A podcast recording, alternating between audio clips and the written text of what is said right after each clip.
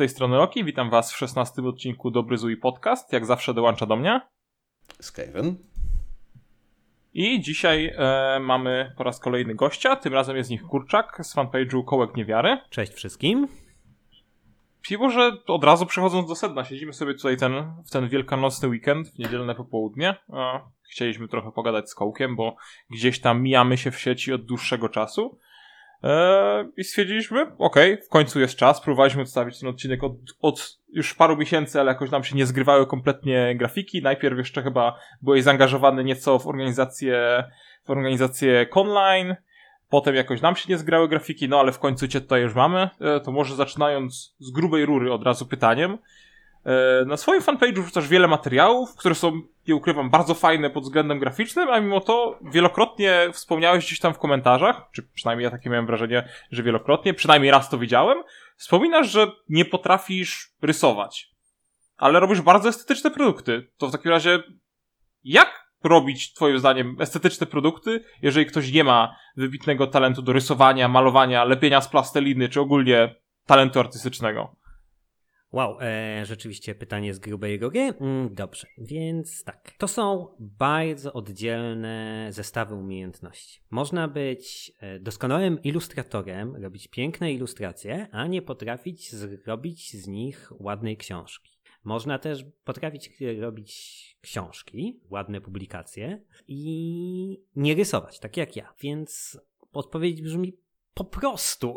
no jakby to jest trochę tak jakbyś zapytał, czy można umieć tańczyć nie umiejąc śpiewać. Tak, można. To są dwa różne e, zestawy umiejętności. Może tak, żeby trochę uspójnić, bo mam wrażenie, że będziemy tutaj rozmawiać o designie, zróbmy troszeczkę porządku w pojęciach. Mówi się u nas, że podręcznik jest ładnie złożony, albo że jest dobry skład i pod tym Pojęciem workiem e, rozumie się wszystko, co świadczy o wizualnej stronie podręcznika. Tymczasem, jakbym miał to rozdzielić, to na to, wizual... to co czasem się w dyskursie internetowym nazywa składem, to tak naprawdę trzy różne rzeczy.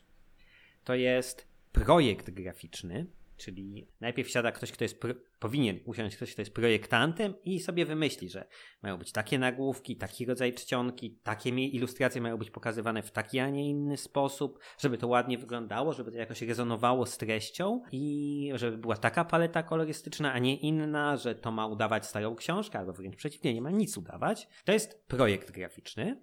I w idealnym świecie ten projektant graficzny, Art Director też opowiada e, ilustratorowi, jak mają wyglądać ilustracje. Czy on mówi, w jakim mają być stylu utrzymane, może w porozumieniu z autorem mówi, co ma na nich być, i żeby to pasowało do projektu.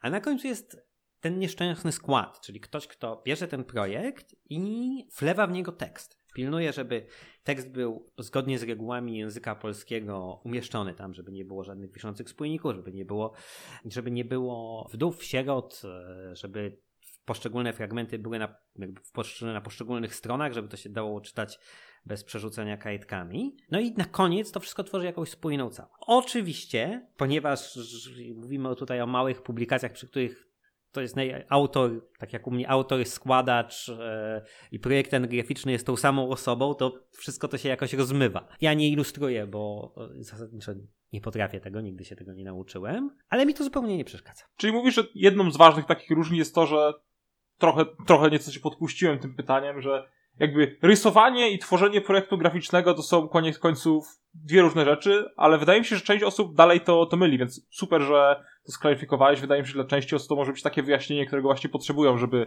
zrozumieć, czym są ilustracje, czym jest skład, czym jest trochę ten, ten art design. E, aczkolwiek chciałem dodać, że e, ostatnio zaczynam rysować mapki i to jest dla mnie zajęcie super relaksujące. I przy tym jest trywialnie proste. Tutoriale na YouTubie, papier izometryczny i tak jak ja, który nigdy się nie uczyłem rysunku, potrafię narysować coś, co jest niepiękne, ale absolutnie akceptowalne do wydania w jakiejś tam przygodzie. Więc e, każdemu, kto jakby uważa, że nigdy nie potrafił rysować i jest przekonany, że mu to nie wyjdzie, zalecam po prostu wzięcie kawałka papieru milimetrowego i spróbowanie narysowania mapki do jepeszka, bo jest to super fajne zajęcie. Wiesz co, pozwolę sobie cofnąć się kawałeczek, bo Loki tak trochę mimochodem rzucił, e, e, myślę, całkiem cennym pytaniem, które, które może jest warte rozwinięcia, bo okej, okay, e, czy ilustracje są ładne, czy nieładne, no to można dyskutować, bo nie to jest ładne, co jest ładne, tylko co się komu podoba. E, czy projekt graficzny jest dobry, no to można dyskutować, bo zależy od tego, jak zostanie zrealizowany i co się komu podoba. Natomiast padło, e, co to jest dobry skład? I może jesteś w stanie to jakoś e, gdzieś tam, powiedzmy, rozjaśnić słuchaczom, czy nam przy okazji też. Co to Twoim zdaniem jest dobry skład? Czy może jest jakiś obiektywnie dobry skład, jakaś jedyna słuszna droga składania tekstu? Bo Pamiętam, że znajomy mi kiedyś opowiadał, że ma jakieś tam stare, jeszcze wiesz, postperelowskie podręczniki grubaśne, tłumaczące teorię liternictwa, jakie fonty do jakiego yy, wymiaru stron, etc. Yy, jak duże to ma znaczenie współcześnie, Twoim zdaniem, składasz na oko, czy po prostu dysponujesz jakąś wiedzą? Bo ja przyznam szczerze, na przykład jestem kompletnym samoukiem i, i moje składanie to często jest robienie rzeczy na oko i chyba wygląda dobrze. Znaczy, słuchaj, dobranie akurat czcionki i jej wielkości to jest kwestia projektu graficznego, nie składu. To wybiera projektant, składacz to realizuje. I z dobrym składem jest trochę jak e, z basistą w zespole. Czy dobry skład jest niemalże niewidoczny. E, jeżeli czytasz tekst, Aha. czytasz go bez problemów, to znaczy, że jest dobrze złożony. Jeżeli na przykład dasz teraz, e, będzie tekst, w którym będzie mnóstwo wiszących spójników, albo będzie tam, będą przeniesienia bez sensu, albo będą za duże przejwy międzywyrazowe. E, to jest jak na siłę spróbujecie wyrównać tekst do lewej i prawej strony, wyjustować to obustronnie i, i na przykład wyłączycie dzielenie i zrobicie to nieumiejętnie w programie, który tego nie ogarnia, to pojawią wam się takie wielkie przejwy. I to oczywiście człowiek to przeczyta, ale czytanie takiego tekstu będzie go bardzo męczyć. Więc jeżeli czytacie tak samo jak się źle dobierze na przykład długość e, wersu w kolumnie. Jeżeli będziemy mieli albo za długo, albo za krótko, to też człowiek będzie się szybciej męczył czytając ten tekst. I ty się śmiejesz z przedwojennych kodeksów tłumaczących, jak się składa, ale istnieje norma, polska norma składu, którą można dostać w Polskim o. Komitecie e, Normików, która właśnie mówi, kiedy można przenosić, jak można przenosić, co można zostawić w ostatniej linijce, czego nie można. Aż, aż ciśnie się na usta pytanie, ile lat grozi za naruszenie. E, trzy lata grania w piegdycję. E, Uje. Natomiast ja się nie zgodzę z tym, co powiedziałeś chwilę temu, że projekt graficzny to jest, e, może się podobać albo się nie podobać i to jest kwestia jakby bardzo subiektywna, tak to przedstawiłeś. Dobrze to się zrozumiałem? Tak. Otóż i tak i nie. Projekt graficzny ma parę funkcji. W tej takiej czysto estetycznej funkcji, owszem, on się może podobać, nie podobać. No tutaj jakby rynek zweryfikuje, czy RPG się będzie sprzedawał, czy się nie będzie sprzedawał. Natomiast on oprócz tego ma też funkcję, zwłaszcza w takich rzeczach, takich publikacjach jak podręcznik do RPG, ma też funkcję informacyjną. No bo jak mamy książkę, nie wiem, powieść w poszukiwaniu straconego czasu, no to ona zaczyna się na stronie pierwszej i kończy na stronie 777. I generalnie lecimy sobie czytając przez tą książkę, od zaczynając na stronie pierwszej, czasem się wracamy, ale to, żeby coś sprawdzić, ale to jest raczej rzadkie. Generalnie przesuwamy się po tym tekście linearnie. Natomiast podręcznik do Jepeszka to jest coś, z czego korzystamy raczej jak, no nie wiem, z podręcznika do nauki języka obcego. E, rzadko czy, zaczynamy go czytać na stronie pierwszej kończymy na ostatniej. Tak z niego skorzystamy raz, ale potem na sesji będziemy e, musieli z niego korzystać, wyszukując w nim informacje, sprawdzając, jakie obrażenia zadaje galaretowany sześcian, albo ile punktów zbroi e, dostajcza przeszywanica, albo ile godzin w świątyni Sigmara należy spędzić, żeby wymedytować coś tam. I teraz Dobry projekt to jest projekt użyteczny. To jest projekt, który pozwala łatwo wyszukać te informacje, zarówno na stronie, jak i w całej książce. Więc no, to jest już dość obiektywne. Czy, czy mam do czynienia ze ścianami tekstu, które, w znalezienie wśród których pojedynczej cyfry, jak jest w Johnie Carterze, co jest dość straszne tam, niektóre ważne dla mechaniki cyfry są poukrywane w tych paragrafach, tak że nie można ich znaleźć czy są chociażby wyboldowane i tekst jest ułożony tak, taka jest hierarchia tytułów. To jest coś, co powstaje na styku redakcji tak naprawdę autora i projektu graficznego, że jest taka hierarchia tytułów i śród tytułów, że bardzo łatwo znajdujesz to, co e, chcesz znaleźć. Więc to już nie jest takie subiektywne. No to jest jakby dość łatwo poznać, czy ma się do czynienia z czymś, co jest złożone co jest zaprojektowane i złożone sensownie, czy coś, co jest po prostu wrzuconym tekstem i radź sobie sam z tym użytkownikiem. Czyli prawidłowym jest powiedzenie, czyli wszystkie te kwestie związane właśnie, tak jak mówisz, z wyróżnianiem pewnych informacji w tekście, wszystkimi tabelkami, uwagami na, na, na, na marginesach, wszystkie te rzeczy, które zwiększają jakby wygodę korzystania z podręcznika, czy prawidłowym jest powiedzeniem, że to jest też dobry skład lub zły skład, czy raczej w tym momencie powinno się używać określenia, że to jest dobry projekt graficzny lub zły projekt graficzny? To jest dobry projekt. Skład może oczywiście to. Dobry projekt i skład. No, skład tutaj ma mniejsze e, znaczenie, ale dobry projekt, tak projekt, który wyciąga te rzeczy, które, z których będziemy najczęściej korzystać, tak żeby było łatwo je znaleźć, żeby one były widoczne. Okej, okay, to może trochę wracając do tego, wspominałeś, że jak ty składasz rzeczy, to jesteś jednocześnie często autorem, składaczem, projektantem, korektorem. Przy jednoosobowym wydawaniu RPGów, zwłaszcza na tej scenie indie, jest całkiem dużo rzeczy, które przydaje się wiedzieć, przydaje się potrafić. I jedno z pytań, które gdzieś tam sobie zanotowaliśmy, to było, jak można się nauczyć składu. Tutaj oczywiście dla mnie podstawą jest to, to, to czego ja się sam trzymam i czego trochę się nauczyłem od Skavena, czyli ponieważ wiem, że moje umiejętności do składu i projektowania graficznego są słabe, więc staram się trzymać czegoś bardzo prostego, czegoś minimalistycznego ale czy masz jakieś inne rady dla, dla początkujących twórców, którzy chcieliby się nauczyć jakichś podstaw składu? Bo rozumiem, że na pewno warto zajrzeć do tej e, polskiej normy, którą wspomniałeś, czy raczej to jest coś do odpuszczenia? Nie, zajrzenie do polskiej normy to jest jakby krok dla hobbystów, powiedziałbym. Jak się nauczyć składu? E, jak się nauczyć projektowania? To obu tych rzeczy da się nauczyć. Ja się ich nauczyłem zawodowo w którymś momencie mojego życia po prostu, dlatego może mam łatwiej. Ja zaczynałem E, karierę zawodową jako DT-powiec, czyli składacz taki nowoczesny. E, zaczynałem od składania e, raportów rocznych dla ekskluzywnych firm, więc to były takie, takie publikacje, w których dużo się działo i na których się było dobrze uczyć. No ale powiedzmy, że to nie jest droga dla każdego. Nie każdy będzie zmieniał karierę zawodową, żeby wydać sobie rpg Więc ja bym powiedział, że należy zacząć od oglądania, od obejrzenia kilkunastu, kilkudziesięciu publikacji, zobaczenia, co nam się w nich podoba, co sprawia, że fajnie się z nimi obcuje i spróbowania powtórzenia. Ja w ogóle stoję na stanowisku, że no, kultura polega na tym, że bierzemy coś innego, co ktoś fajnego zrobił i to transformujemy na swój sposób. Jakby nie da się tworzyć kultury, a robienie peszków jest w jakimś tam bardzo maleńkim stopniu tworzeniem kultury. Nie da się tego robić będąc samotną wyspą, więc e, bierzemy ktoś, spróbujmy znaleźć projekt, który nam się podoba, niech on będzie prosty na początek i spróbujmy go skopiować.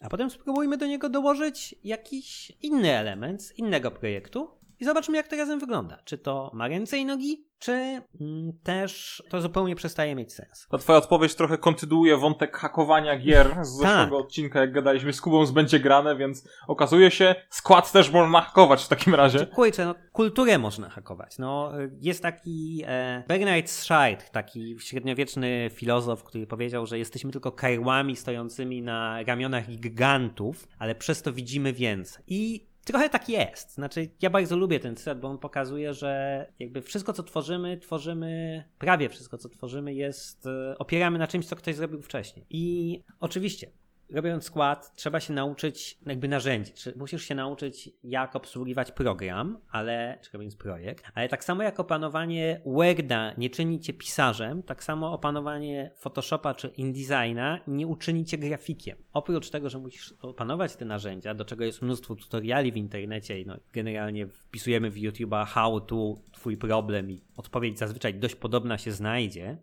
to jeszcze musimy wiedzieć, co z tymi narzędziami należy zrobić. I e, tutaj te odpowiedzi nie są takie trywialne, niełatwe do znalezienia, ale to tutaj no, trzeba po prostu próbować. Tu wyjdzie pewien problem. Znaczy, to, że jest taki twórca indie RPGów, OSR-ów, czy, czy nawet jakichś tam bardziej mainstreamowych rzeczy, jest sam sobie sterem, żeglarzem, okrętem, jest czasami super, bo jak mi się nie mieści tekst w kolumnach, żeby był równo, to sobie sam go zmieniam, e, zastępuję e, jedno słowo krótszym, żeby, żeby to mi pasowało I, i, i jest super i lecimy dalej, nie muszę nikogo pytać o zdanie. Ale powoduje to ten problem, że czasem nie mamy od kogo odbić naszego pomysłu. Nie wiemy, bo jak nad czymś pracujesz, to, to ciężko ci spojrzeć na to z zewnątrz. Więc jeżeli na przykład weźmiesz skład jakiejś przygody, zrobisz coś dość podobnego i potem dołożysz do niego wielkie różowe ramki i tobie się wydaje, że to super. Ale czasem może warto pokazać to komuś innemu i spytać go o zdanie. Czy, czy, czy to ma sens, czy to się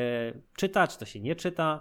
E, ja mam to olbrzymie szczęście, że moja życiowa partnerka też jest graficzką, też robi bardzo ładne rzeczy i e, bardzo często jej pokazuję to, co zrobię i pytam się, czy to ma sens dla ciebie, czy, czy, czy przesadzam. I czasem dostaję pochwałę, czasem dostaję e, ochrzan, że robię jakieś głupoty straszliwe i słucham się tego.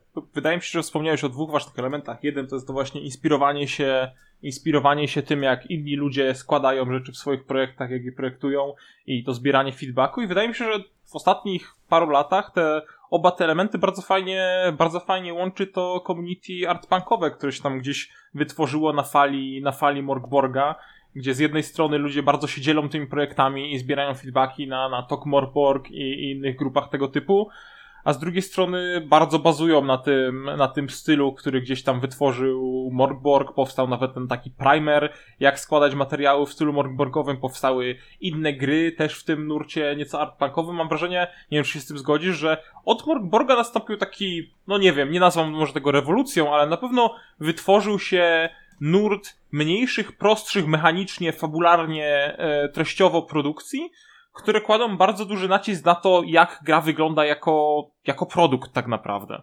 E, tak, i uważam, że to jest super, bo dla, zwłaszcza dla początkujących twórców czasem łatwiej e, po prostu i pod względem designu gry bazować na czymś, co już jest zrobione, e, i pod względem też no, projektu graficznego. Łatwiej projektować w jakimś stylu, niż próbować wymyśleć coś od nowa.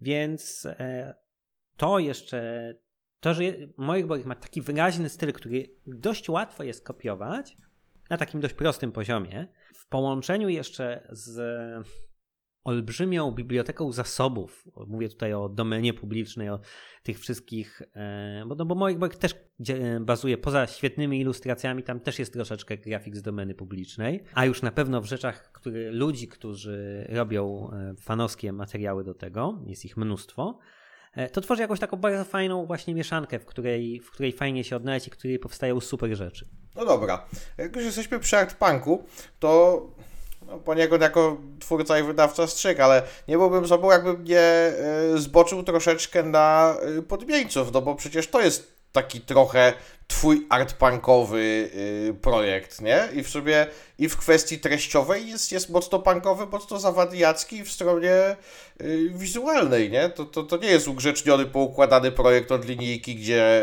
wszystko gdzieś tam y, pięknie, ładnie układa się w równiutkie kolumny i, i trzyma się y, stylu y, książkowego albo, y, nie wiem, starotestamentowego.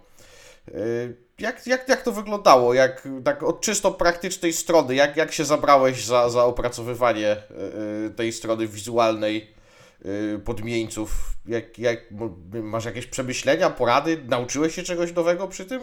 Jak to było? Czy po prostu usiadłeś i e, dobra, jakoś to będzie? Jak to zrobiłem? To nie powiem, że się przy tym czegoś nauczyłem. To było raczej... no tutaj wreszcie zebrałem odsetki od różnych innych prac, które robiłem przez lata wcześniej i e, na których się uczyłem, po to, żeby zrobić właśnie coś takiego. Ja jestem e, mega zadowolony z tego, jak to wyszło i chociaż chwalenie samego siebie przychodzi mi z trudem, to jednak tutaj jest, uznaję, że to, to, to, jest coś, co rzeczywiście fajnie wyszło i fajnie blenduje te dwa klimaty, ten klimat punkowy i ten klimat baśniowy. E, punkowe wróżki.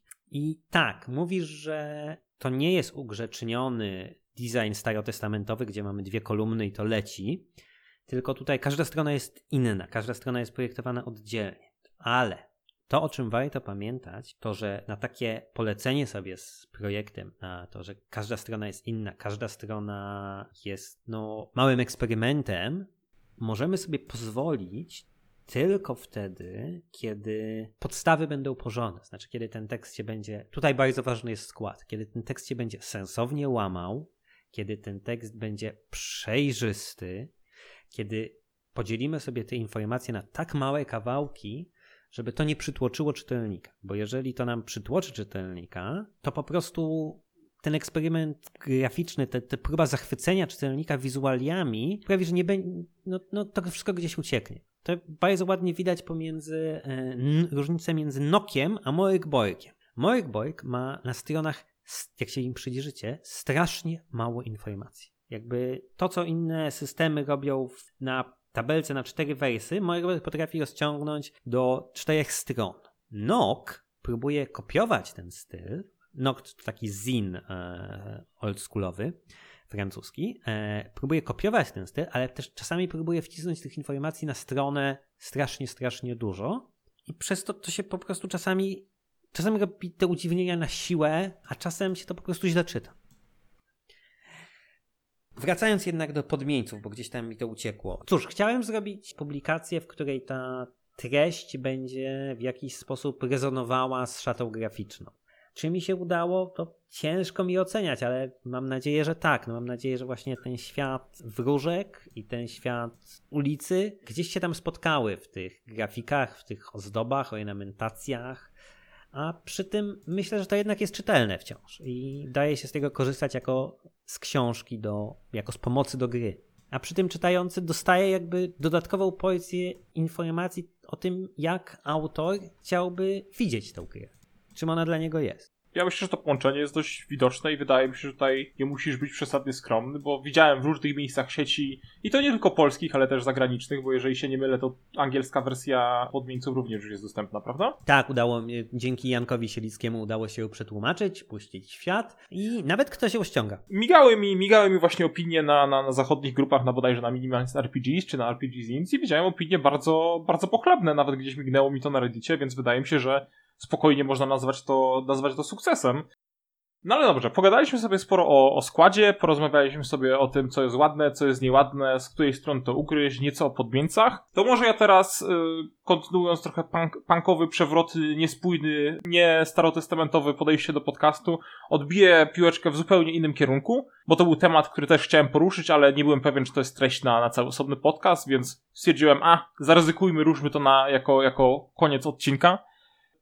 Często na swoim fanpage'u, na blogu, ale też czasami, jeżeli się sporadycznie udzielasz w innych miejscach w sieci, Wspominasz o istotności dyskursu, jakiejś takiej cywilizowanej dyskusji w naszym hobby. Oczywiście, jak wszyscy wiemy, bywa z tym w naszym hobby bardzo różnie i w związku z tym chciałem spytać, jaki jest twój obraz takiego dyskursu, który chciałbyś zobaczyć w polskim fandomie RPG i co twoim zdaniem można robić, żeby, żeby ze swojej strony wspierać rozwój takiego zdrowego dyskursu, zdrowej dyskusji, kulturalnej rozmowy między ludźmi w fandomie RPG w Polsce. I nie spodziewam się tutaj, że podasz nam magiczne rozwiązanie, bo wydaje mi się, że też i my i słuchacze wiemy, że to nie jest coś, co da się łatwo roz e, rozwiązać, ale wydaje mi się, że może z mojej strony, jako część wspierania tego dyskursu, chciałbym usłyszeć, żeby też się podzielić ze słuchaczami, jak twoim zdaniem powinno to wyglądać? Wow, ee, jak powinno to wyglądać? To nie jest łatwe pytanie, ale spróbujmy. Ale zero presji, słuchacie tylko cały fandom i teraz powiesz wszystkim, jak mają się ładnie zachowywać. No, śmiało. Słuchajcie, Ostatnio nawet e, z jakiegoś powodu parę dni temu trafiłem na ikoniczne miejsce polskiego, e, może nie tyle fandomu, ile polskiego i dyskusji RPGowej, e, czyli PIPE. Panie i panowie, zagrajcie w RPG. I ponieważ rzadko tam wchodzę, to Teraz uwaga, powiem coś pozytywnego o Pipie. Pipa, jako jedyna z polskich grup RPGowych, nie zmienia się w farmę linków. E, Okej, okay, świętej pamięci gospoda pod ognistą kulą też była super grupą, no ale odeszła od nas.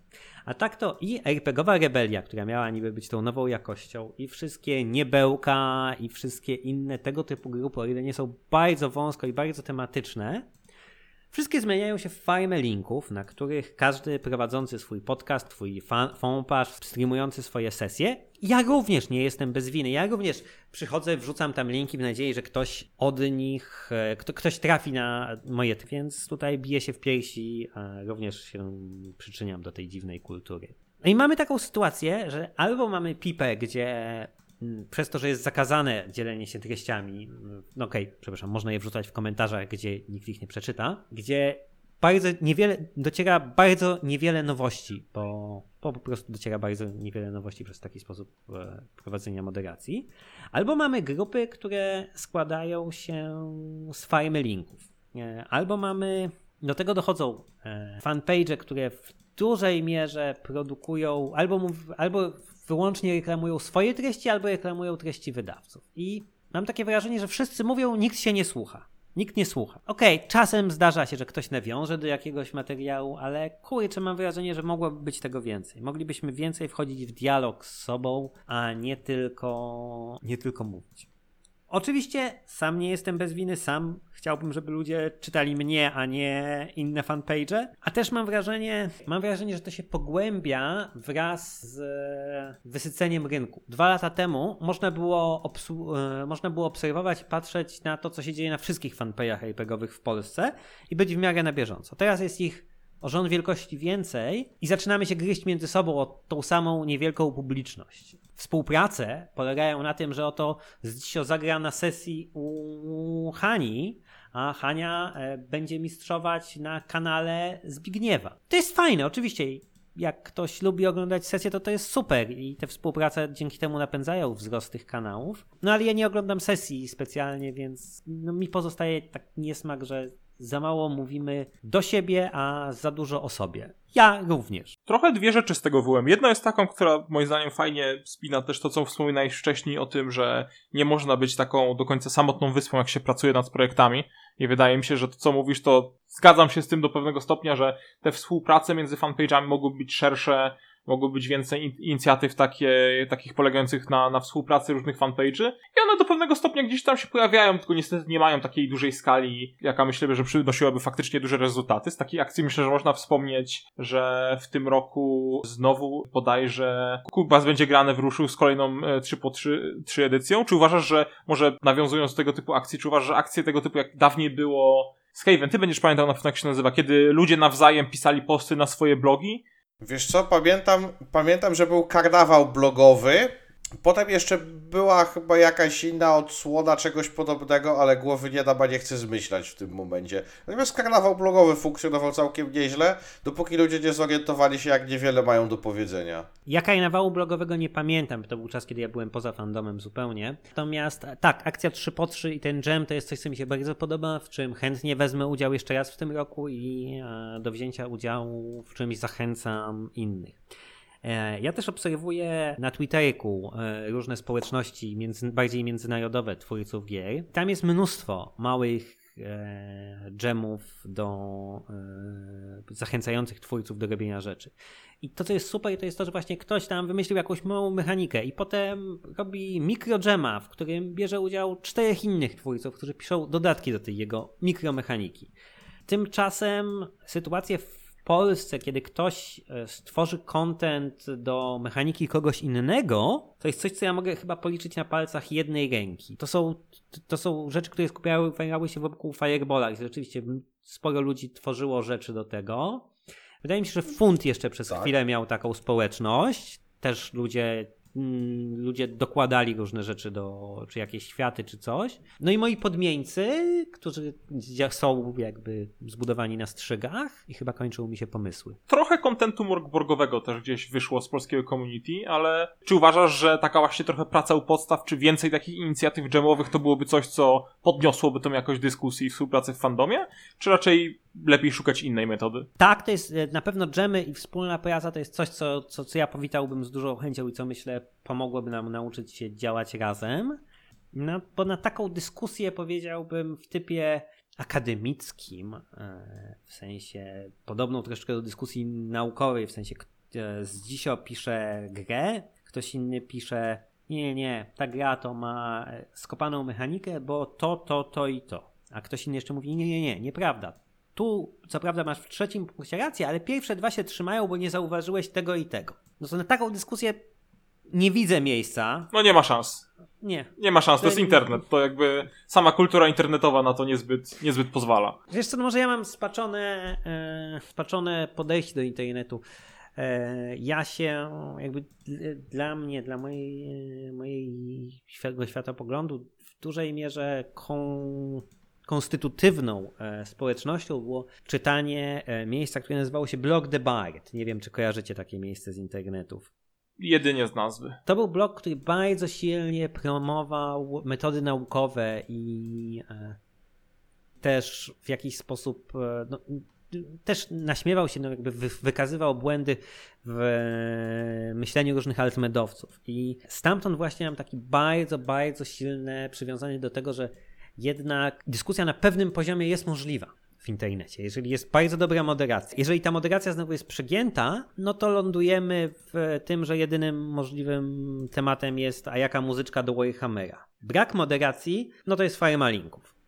To jest bardzo trudne, ale kurczę, ja chyba jestem optymistą i chciałbym wierzyć, że to gdzieś jest możliwe. Bardzo możliwe, że takim źródłem mogą być właśnie te wspomniane przez Ciebie wcześniej węższe tematycznie grupy, gdzie ludzie mówią na konkretny temat i tam będą się zaczynały dyskusje może na temat konkretnej gry, konkretnej mechaniki, konkretnego systemu i z tego mogłoby wyrosnąć coś więcej, no ale w obecnej chwili wydaje mi się, że fandom jest w takim trochę stanie o, słaby okres na zbiórki, sprawy okres na wydawanie rzeczy, bo, bo się dużo rzeczy dzieje na świecie i trochę trochę fandom śpi. No zobaczymy, jak się będzie dalej toczyło przez, przez resztę roku. Nie wiem, czy jeszcze mamy na koniec coś, coś do dodania. Skaven, Kurczak, chcecie coś jeszcze dorzucić do ostatniego punktu? Czy już raczej powoli domykamy temat? Jeszcze wydaje mi się, że możemy powoli domykać temat, zwłaszcza, że już troszeczkę się, się rozgadaliśmy, więc może nie, nie zanudzajmy y, słuchaczy dłużej, bo mają na pewno dużo do napisania na swoich blogach i fanpage'ach i jakieś tam sesje do nagrania, więc to wiesz. No przede wszystkim muszą się zabrać do, do nauczenia składu. tak. E, jeszcze raz dzięki Kurczak, że, że e, poświęciłeś nam trochę czasu, żeby mieliśmy okazję pogadać. E, linki do twórczości Kurczaka, czy w tym do fanpage'a i bloga Kołek Niewiary, jak również do, do jego publikacji znajdziecie w opisie odcinka. Czy jest ktoś może, kogo Kurczak chciałbyś pozdrowić, polecić innego z fandomu? E, o wow, e, znaczy chciałem wam bardzo podziękować, że mnie tu przyjęliście i chciałem powiedzieć, że bardzo fajnie się rozmawiało. Mam nadzieję, że nie zanudziłem was swoimi wywodami, bo wiem, że czasem No, wprost przeciwnie. się rozgadywać. Cóż, to ja mogę polecić przede wszystkim... e, O, wiem co ja chcę polecić. E, chcę polecić Bazyliszka. Mm, Zaczęliśmy od e, tę tą dyskusję od wspomnienia tego, że pracowałem przy Conline, to teraz pracuję przy Bazyliszku. To jest konwent, który będzie w Warszawie 1 do 3 lipca, robiony przez moje stowarzyszenie Avantgarda. Wpadnijcie, będzie fajnie. Okej, postaramy się również podlinkować, podlinkować Bazyliszka. Z tego co widzę, event na Facebooku chyba macie już nawet stworzony, prawda? Tak jest. Super. To na pewno dorzucimy linka. W takim razie e, dzięki jeszcze raz, dzięki słuchaczom i do usłyszenia e, za jakiś bliżej nieokreślony czas w odcinku 17. Dzięki raz jeszcze. Dzięki. Dzięki, cześć.